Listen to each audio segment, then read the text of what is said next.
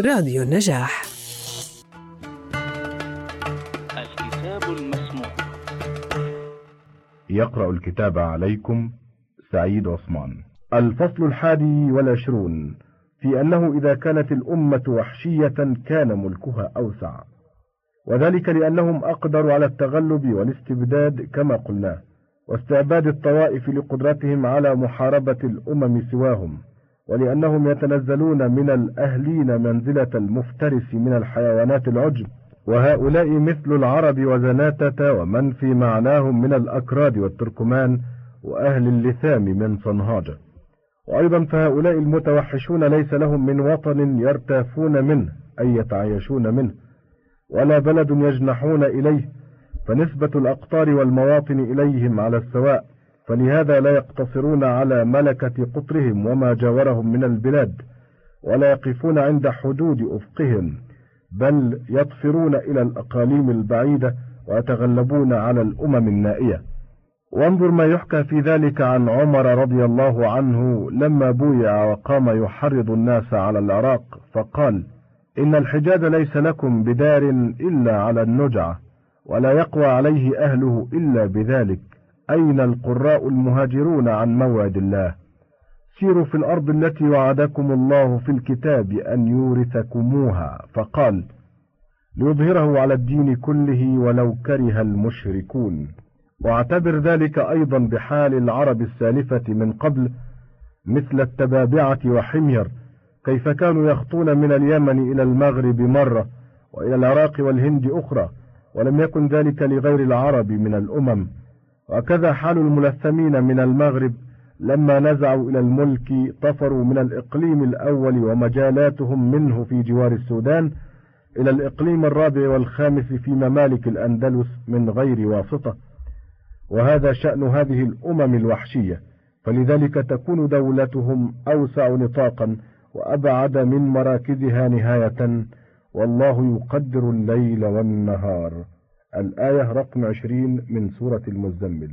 والله يقدر الليل والنهار وهو الواحد القهار لا شريك له. الفصل الثاني والعشرون في أن الملك إذا ذهب عن بعض الشعوب من أمة فلا بد من عوده إلى شعب آخر منها ما دامت لهم العصبية. والسبب في ذلك أن الملك إنما حصل لهم بعد ثورة الغلب والإذعان لهم من سائر الأمم سواهم فيتعين منهم المباشرون للأمر الحاملون سرير الملك ولا يكون ذلك لجميعهم لما هم عليه من الكثرة التي يضيق عنها نطاق المزاحمة والغيرة التي تجدع أنوف كثير من المتطاولين للرتبة.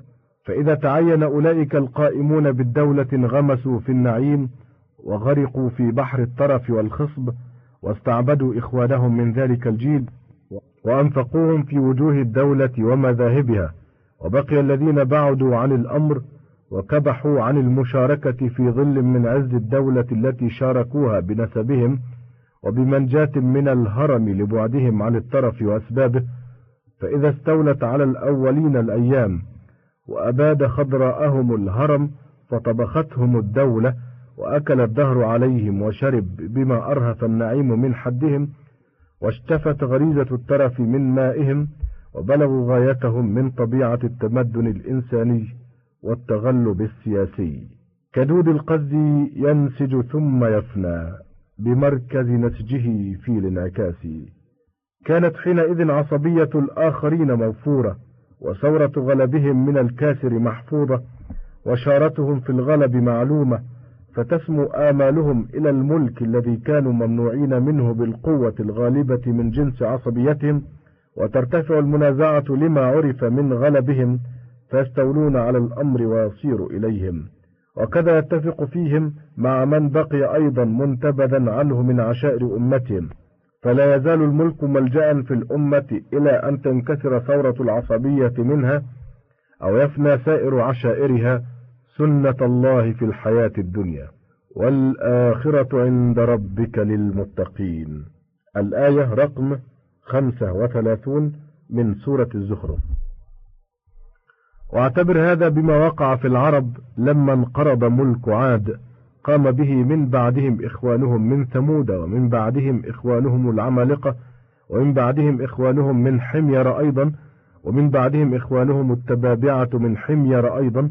ومن بعدهم الأذواء كذلك ثم جاءت الدولة لمضر وكذا الفرس لما انقرض أمر الكينية ملك من بعدهم الساسانية حتى تأذن الله بانقراضهم أجمع بالإسلام.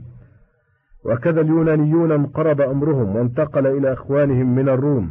وكذا البربر بالمغرب لما انقرض أمر مغراوة وكتامة الملوك الأول منهم رجع إلى صنهاجة ثم إلى الملثمين من بعدهم ثم من بقي من شعوب زناتة وهكذا سنة الله في عباده وخلقه. وأصل هذا كله إنما يكون بالعصبية وهي متفاوتة في الأجيال. والملك يخلقه الترف ويذهبه. يخلقه أي يبلى جديده ويفنيه. كما سنذكر فيما بعد. فإذا انقرضت دولة فإنما يتناول الأمر منهم من له عصبية مشاركة لعصبيتهم التي عرف لها التسليم والانقياد وأونس منها الغلب لجميع العصبيات. وذلك إنما يوجد في النسب القريب منهم لأن تفاوت العصبية بحسب ما قرب من ذلك النسب التي هي فيه أو بعد.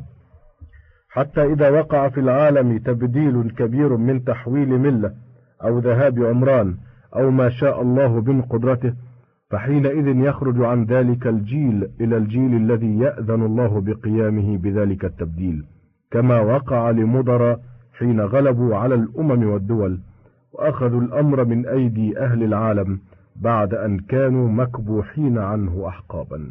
الفصل الثالث والعشرون في أن المغلوب مولع أبدا بالاقتداء بالغالب في شعاره وزيه ونحلته وسائر أحواله وعوائده. والسبب في ذلك أن النفس أبدا تعتقد الكمال في من غلبها وانقادت إليه إما لنظره بالكمال بما وقر عندها من تعظيمه أو لما تغالط به من أن انقيادها ليس لغلب طبيعي إنما هو لكمال الغالب. فإذا غالطت بذلك واتصل لها حصل اعتقادا فانتحلت جميع مذاهب الغالب وتشبهت به وذلك هو الاقتداء. أو لما تراه والله أعلم من أن غلب الغالب ليس بعصبية ولا قوة بأس وإنما هو بما انتحله من العوائد والمذاهب. تغالط أيضا بذلك عن الغلب. وهذا راجع للأول. ولذلك ترى المغلوب يتشبه أبدا بالغالب في ملبسه ومركبه وسلاحه في اتخاذها وأشكالها بل وفي سائر أحواله.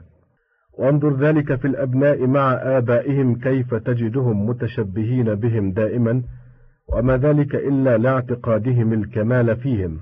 وانظر إلى كل قطر من الأقطار كيف يغلب على أهله زي الحامية وجند السلطان في الأكثر لأنهم الغالبون لهم حتى إنه إذا كانت أمة تجاور أخرى. ولها الغلب عليها فيسري إليهم من هذا التشبه والاقتداء حظ كبير كما هو في الأندلس لهذا العهد مع أمم الجلالقة فإنك تجدهم يتشبهون بهم في ملابسهم وشاراتهم والكثير من عوائدهم وأحوالهم حتى في رسم التماثيل في الجدران والمصانع والبيوت. حتى لقد يستشعر من ذلك الناظر بعين الحكمة أنه من علامات الاستيلاء. والأمر لله. وتأمل في هذا سر قولهم العامة على دين الملك فإنه من بابه. إذ الملك غالب لمن تحت يده والرعية مقتدون به لاعتقاد الكمال فيه اعتقاد الأبناء بآبائهم والمتعلمين بمعلميهم والله الحكيم وبه سبحانه وتعالى التوفيق. الفصل الرابع والعشرون في أن الأمة إذا غلبت وصارت في ملك غيرها أسرع إليها الفناء.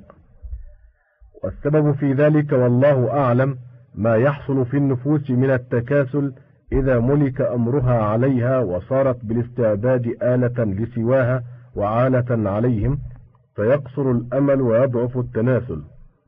والاعتمار إنما هو عن جدة الأمل وما يحدث عنه من النشاط في القوى الحيوانية.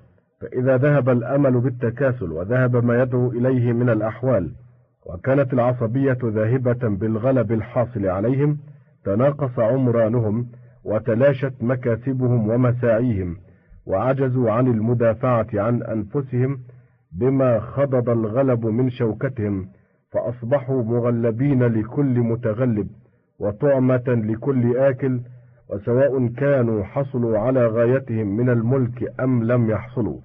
وفيه والله أعلم سر آخر وهو أن الإنسان رئيس بطبعه بمقتضى الاستخلاف الذي خلق له.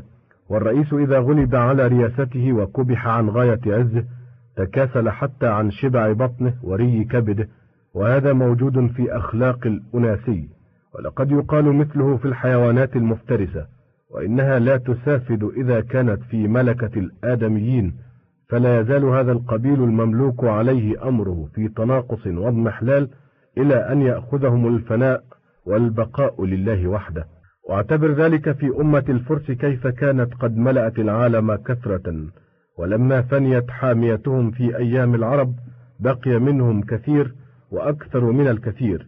يقال إن سعدا أحصى ما وراء المدائن فكانوا مئة ألف وسبعة وثلاثين ألفا منهم سبعة وثلاثون ألفا رب بيت. ولما تحصلوا في ملكة العرب وقبضة القهر لم يكن بقاؤهم إلا قليلا ودثروا كأن لم يكونوا. ولا تحسبن أن ذلك لظلم نزل بهم أو عدوان شملهم. فملكة الإسلام في العدل ما علمت وإنما هي طبيعة في الإنسان إذا غلب على أمره وصار آلة لغيره.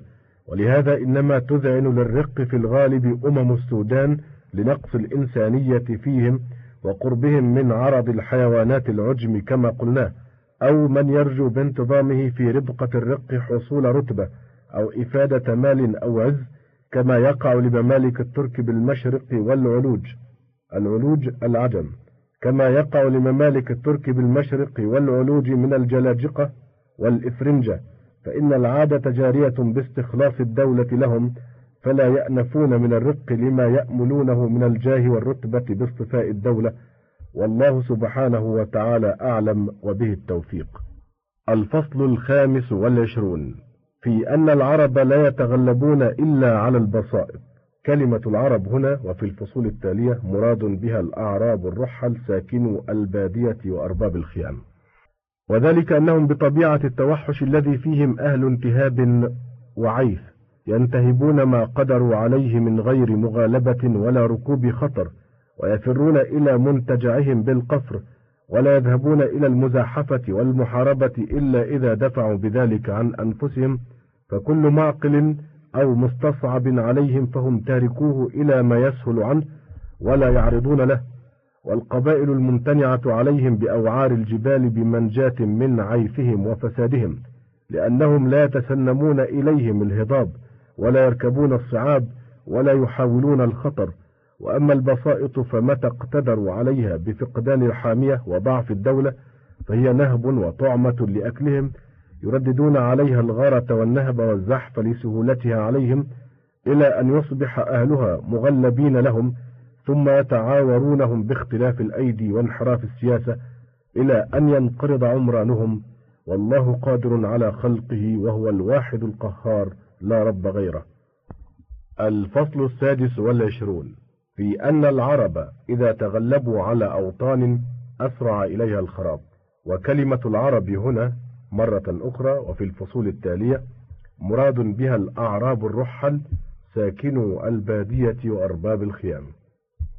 والسبب في ذلك أنهم أمة وحشية باستحكام عوائد التوحش وأسبابه فيهم فصار لهم خلقا وجبلة وكان عندهم ملذوذا لما فيه من الخروج عن ربقة الحكم وعدم الانقياد للسياسة وهذه الطبيعة منافية للعمران ومناقضة له فغاية الأحوال العادية كلها عندهم الرحلة والتغلب.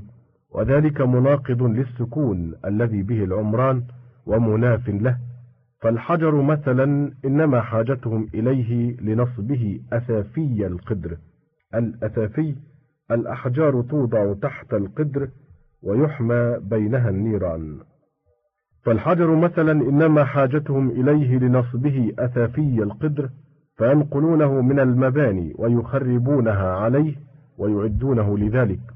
والخشب أيضا إنما حاجتهم إليه ليعمروا به خيامهم ويتخذوا الأوتاد منه لبيوتهم فيخربون السقف عليه.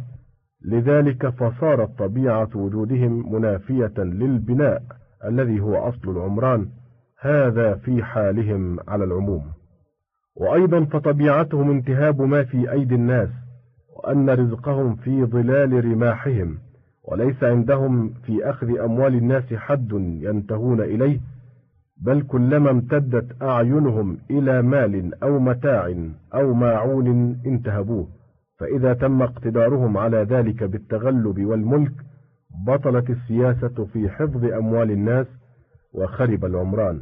وأيضا فلأنهم يتلفون على أهل الأعمال من الصنائع والحرف أعمالهم لا يرون لها قيمة ولا قسطا من الأجر والثمن. والأعمال كما سنذكره هي أصل المكاسب وحقيقتها. وإذا فسدت الأعمال وصارت مجانا ضعفت الآمال في المكاسب وانقبضت الأيدي عن العمل وتشتت. وأيضا فإنهم ليست لهم عناية بالأحكام وزجر الناس عن المفاسد ودفاع بعضهم عن بعض. إنما همهم ما يأخذونه من أموال الناس نهبا أو غرامة. فإذا توصلوا إلى تسديد أحوالهم والنظر في مصالحهم وقهر بعضهم عن أغراض المفاسد. ربما فرضوا العقوبات في الأموال حرصا على تحصيل الفائدة والجباية والاستكثار منها كما هو شأنهم. وذلك ليس بمغن في دفع المفاسد وزجر المتعرض لها.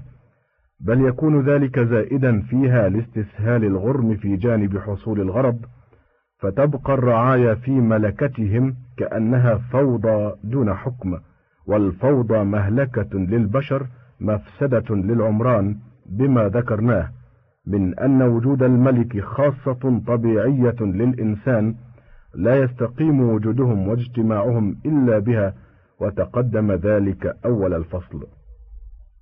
وأيضا فهم متنافسون في الرياسة وقل أن يسلم أحد منهم الأمر لغيره ولو كان أباه أو أخاه أو كبير عشيرته إلا في الأقل وعلى كره من أجل الحياء.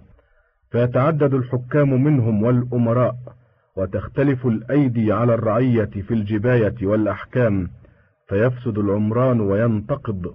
قال الأعرابي الوافد على عبد الملك لما سأله عن الحجاج وأراد الثناء عليه عنده بحسن السياسة والعمران فقال تركته يظلم وحده. وانظر إلى ما ملكوه وتغلبوا عليه من الأوطان من لدن الخليقة. كيف تقوض عمرانه وأقفر ساكنه وبدلت الأرض فيه غير الأرض. فاليمن قرارهم خراب إلا قليلا من الأمصار. وعراق العرب كذلك قد خرب عمرانه الذي كان للفرس أجمع والشام لهذا العهد كذلك. وأفريقية والمغرب لما جاز إليها بنو هلال وبنو سليم منذ أول المئة الخامسة وتمرسوا بها لثلاثمائة وخمسين من السنين قد لحق بها وعادت بسائطه خرابا كلها بعد أن كان ما بين السودان والبحر الرومي كله عمرانا. تشهد بذلك آثار العمران فيه من المعالم وتماثيل البناء وشواهد القرى والمدر والله يرث الأرض ومن عليها وهو خير الوارثين. الفصل السابع والعشرون في أن العرب لا يحصل لهم الملك إلا بصبغة دينية من نبوة أو ولاية أو أثر عظيم من الدين على الجملة. والسبب في ذلك أنهم لخلق التوحش الذي فيهم أصعب الأمم انقيادا بعضهم لبعض للغلظة والأنفة وبعد الهمة والمنافسة في الرئاسة. فقلما تجتمع أهواؤهم فإذا كان الدين بالنبوة أو الولاية كان الوازع لهم من أنفسهم وذهب خلق الكبر والمنافسة منهم فسهل انقيادهم واجتماعهم وذلك بما يشملهم من الدين المذهب للغلظة والأنفة الوازع عن التحاسد والتنافس. فإذا كان فيهم النبي أو الولي الذي يبعثهم على القيام بأمر الله ويذهب عنهم مذمومات الأخلاق ويأخذهم بمحمودها ويؤلف كلمتهم لإظهار الحق تم اجتماعهم وحصل لهم التغلب والملك وهم مع ذلك أسرع الناس قبولا للحق والهدى لسلامة طباعهم من عوج الملكات وبراءتها من ذميم الأخلاق. إلا ما كان من خلق التوحش القريب المعاناة المتهيئ لقبول الخير ببقائه على الفطرة الأولى وبعده عما ينطبع في النفوس من قبيح العوائد وسوء الملكات. فإن كل مولود يولد على الفطرة كما ورد في الحديث وقد تقدم. الفصل الثامن والعشرون في أن العرب أبعد الأمم عن سياسة الملك والسبب في ذلك أنهم أكثر بداوة من سائر الأمم وأبعد مجالا في القفر وأغنى عن حاجات التلول وحبوبها لاعتيادهم الشظف وخشونة العيش فاستغنوا عن غيرهم فصعب انقياد بعضهم لبعض لإيلافهم ذلك وللتوحش. ورئيسهم محتاج إليهم غالبا للعصبية التي بها المدافعة. فكان مضطرا إلى إحسان ملكتهم وترك مراغمتهم لئلا يختل عليه شأن عصبيته فيكون فيها هلاكه وهلاكهم. وسياسة الملك والسلطان تقتضي أن يكون السائس وازعا بالقهر وإلا لم تستقم سياسته.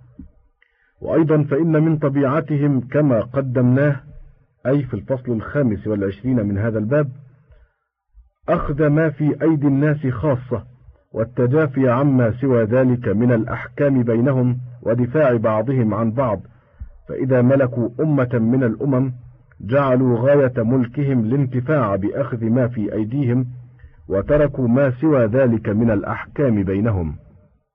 وربما جعلوا العقوبات على المفاسد في الأموال حرصا على تكثير الجبايات وتحصيل الفوائد. فلا يكون ذلك وازعا وربما يكون باعثا بحسب الأغراض الباعثة على المفاسد واستهانة ما يعطي من ماله في جانب غرضه فتنمو المفاسد بذلك ويقع تخريب العمران.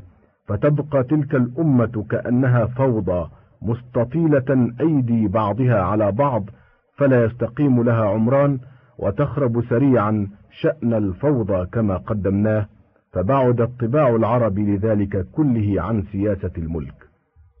وإنما يصيرون إليها بعد انقلاب طباعهم وتبدلها بصبغة دينية تمحو ذلك منهم وتجعل الوازع لهم من أنفسهم وتحملهم على دفاع الناس بعضهم عن بعض كما ذكرناه. واعتبر ذلك بدولتهم في الملة لما شيد لهم الدين أمر السياسة بالشريعة وأحكامها المراعية لمصالح العمران ظاهرا وباطنا. وتتابع فيها الخلفاء عظم حينئذ ملكهم وقوي سلطانهم. وكان رستم إذا رأى المسلمين يجتمعون للصلاة يقول أكل عمر كبدي يعلم الكلاب الآداب. ثم إنهم بعد ذلك انقطعت منهم عن الدولة أجيال نبذوا الدين فنسوا السياسة ورجعوا إلى قصرهم وجهلوا شأن عصبيتهم مع أهل الدولة ببعدهم عن الانقياد وإعطاء النصفة فتوحشوا كما كانوا ولم يبق لهم من اسم الملك إلا أنهم من جنس الخلفاء ومن جيلهم. ولما ذهب أمر الخلافة وانمحى رسمها انقطع الأمر جملة من أيديهم وغلب عليهم العجم دونهم وأقاموا في بادية قفارهم لا يعرفون الملك ولا سياسته. بل قد يجهل الكثير منهم أنهم قد كان لهم ملك في القديم وما كان في القديم لأحد من الأمم في الخليقة ما كان لأجيالهم من الملك. ودول عاد وثمود والعمالقة وحمير والتبابعة شاهدة بذلك. ثم دولة مضر في الإسلام بني أمية وبني العباس. لكن بعد عهدهم بالسياسة لما نسوا الدين فرجعوا إلى أصلهم من البداوة وقد يحصل لهم في بعض الأحيان غلب على الدول المستضعفة كما في المغرب لهذا العهد فلا يكون مآله وغايته إلا تخريب ما يستولون عليه من العمران كما قدمناه والله يؤتي ملكه من يشاء. الآية رقم 147 من سورة البقرة. الفصل التاسع والعشرون في أن البوادي من القبائل والعصائب مغلوبون لأهل الأمصار. قد تقدم لنا أن عمران البادية ناقص عن عمران الحواضر والأمصار لأن الأمور الضرورية في العمران ليس كلها موجودة لأهل البدو وإنما توجد لديهم في مواطنهم أمور الفلح وموادها معدومة ومعظمها الصنائع فلا توجد لديهم بالكلية من نجار وخياط وحداد وأمثال ذلك مما يقيم لهم ضروريات معاشهم في الفلح وغيره. وكذا الدنانير والدراهم مفقودة لديهم وإنما بأيديهم أعواضها من مغل الزراعة وأعيان الحيوان أو فضلاته ألبانا وأوبارا وأشعارا وإيهابا مما يحتاج إليه أهل الأمصار فيعوضونهم عنه بالدنانير والدراهم. إلا أن حاجتهم إلى الأمصار في الضروري وحاجة أهل الأمصار إليهم في الحاجي والكمالي فهم محتاجون إلى الأمصار بطبيعة وجودهم. فما داموا في البادية ولم يحصل لهم ملك ولا استيلاء على الأمصار فهم محتاجون إلى أهلها ويتصرفون في مصالحهم وطاعتهم متى دعوهم إلى ذلك وطالبوهم به. وإن كان في المصر ملك كان خضوعهم وطاعتهم لغلب الملك. وإن لم يكن في المصر ملك فلا بد فيه من رياسة ونوع استبداد من بعض أهله على الباقين وإلا انتقض عمرانه. وذلك الرئيس يحملهم على طاعته والسعي في مصالحه إما طوعا ببذل المال لهم ثم يبذل لهم ما يحتاجون إليه من الضروريات في مصره فيستقيم عمرانهم وإما كرها إن تمت قدرته على ذلك ولو بالتفريق بينهم حتى يحصل له جانب منهم يغالب به الباقين فيضطر الباقون إلى طاعته بما يتوقعون لذلك من فساد عمرانهم. وربما لا يسعهم مفارقة تلك النواحي إلى جهات أخرى لأن كل الجهات معمور بالبدو الذين غلبوا عليها ومنعوها من غيرها. فلا يجد هؤلاء ملجأ إلا طاعة المصر فهم بالضرورة مغلوبون لأهل الأمصار والله قاهر فوق عباده وهو الواحد الأحد القهار. قدمنا لكم من راديو النجاح برنامج الكتاب المسموع. الكتاب المسموع.